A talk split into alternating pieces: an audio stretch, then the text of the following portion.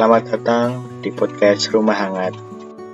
Semoga kalian nggak bosan ya dengan suaraku ini, karena aku tidak pernah bosan untuk bercerita.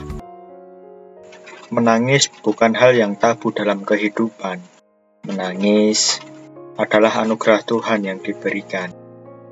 Entah itu tangisan kebahagiaan atau tangisan kesedihan kita tidak bisa memilih kapan air mata itu akan turun. Tidak bisa kita pastikan pada momen apa air mata tersebut turun.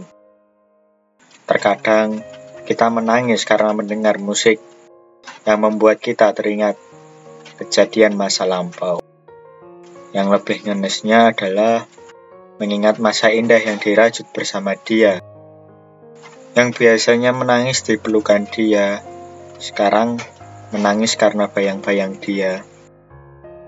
Yang biasanya ada bahu untuk bersandar, sekarang adanya kasur untuk rebahan, adanya bantal untuk menampung air mata.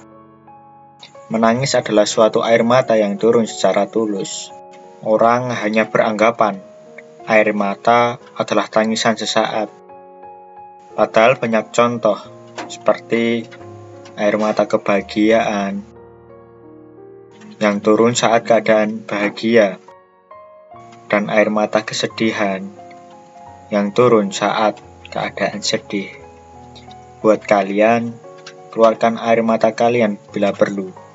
Jangan pernah tahan air mata kalian, karena dalam kondisi itu air mata sangat penting untuk turun. Tetap bercerita, karena alam semesta selalu mendengarkan.